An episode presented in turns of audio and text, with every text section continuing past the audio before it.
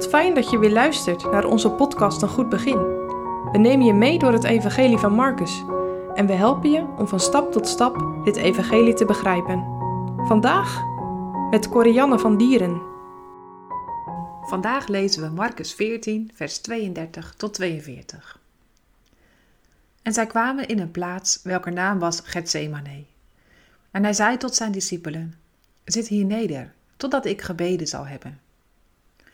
En hij nam met zich Petrus en Jacobus en Johannes en begon verbaasd en zeer beangst te worden. En hij zei tot hen: Mijn ziel is geheel bedroefd tot de dood toe. Blijf hier en waak. En een weinig voortgegaan zijnde, viel hij op de aarde en bad, zo het mogelijk ware, dat die uren van hem voorbij ging.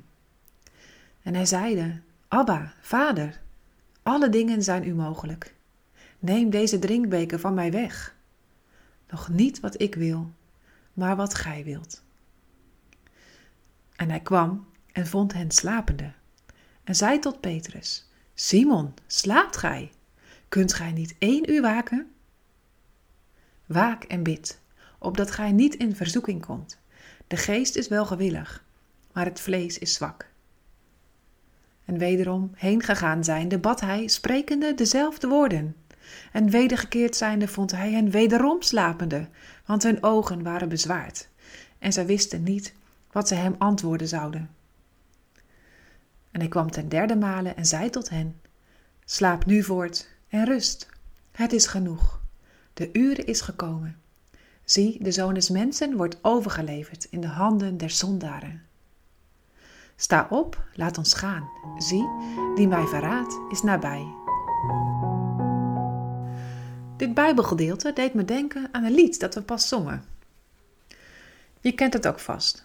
Leer mij, o Heer, uw lijden recht betrachten. Toen we het aan tafel voor de eerste keer zongen, ontstond er een discussie. Mam, u zingt de laatste regel niet goed. U zegt, zo zwaar moest lijden, maar op school zingen we zo zwaar wou lijden. Moest of wilde? Wat zou jij geantwoord hebben? Jezus en zijn discipelen komen in Gethsemane en bij de ingang blijven de discipelen achter.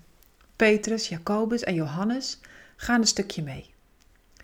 Waak met mij, vraagt Jezus voordat hij alleen verder gaat. De strijd van de Heer Jezus is hevig. Een ontzettend zware last drukt op zijn hart. Je leest dat hij op de grond valt en bidt tot zijn vader. Abba, houd dit zware lijden toch bij mij weg. Jezus voelt hoe groot de toorn, de boosheid van God over de zonde is. De straf op de zonde is zwaar. Het moment komt heel dichtbij waarop hij, de volmaakte zoon van God, zal worden aangezien en behandeld als een ongehoorzame zondaar. Hij zal daarom verlaten worden van zijn vader, de hel ervaren. De last is bijna niet te dragen. En toch, Jezus bidt verder, maar niet wat ik wil, maar wat u wilt. Hij weet dat zijn lijden ontzettend zwaar zal zijn. En toch wil hij die straf dragen. Hij wil het offer zijn. Zo groot is de liefde van de Heer Jezus tot zijn Vader. Zo groot is ook zijn liefde tot zondige mensen. Begrijp jij het? Hij bedelt zijn vader om het lijden weg te nemen. Maar het antwoord is nee. Om zondaren zalig te maken is het nodig dat de Heer Jezus hun plaats inneemt, hun straf draagt. Dan buigt Jezus voor de wil van zijn Vader. Hij geeft de strijd op. Hij zal zich overgeven in de dood. Denk nog even aan het lied. O liefde, die om zondaars te bevrijden, zo zwaar moest lijden, maar ook zo zwaar wilde lijden. Dat is het grote wonder. de Heer Jezus moest en wilde lijden om te bevrijden van zonde. Zonden die zo zwart zijn dat zijn dood ervoor nodig was. Ken jij die bevrijding? Verlang je ernaar?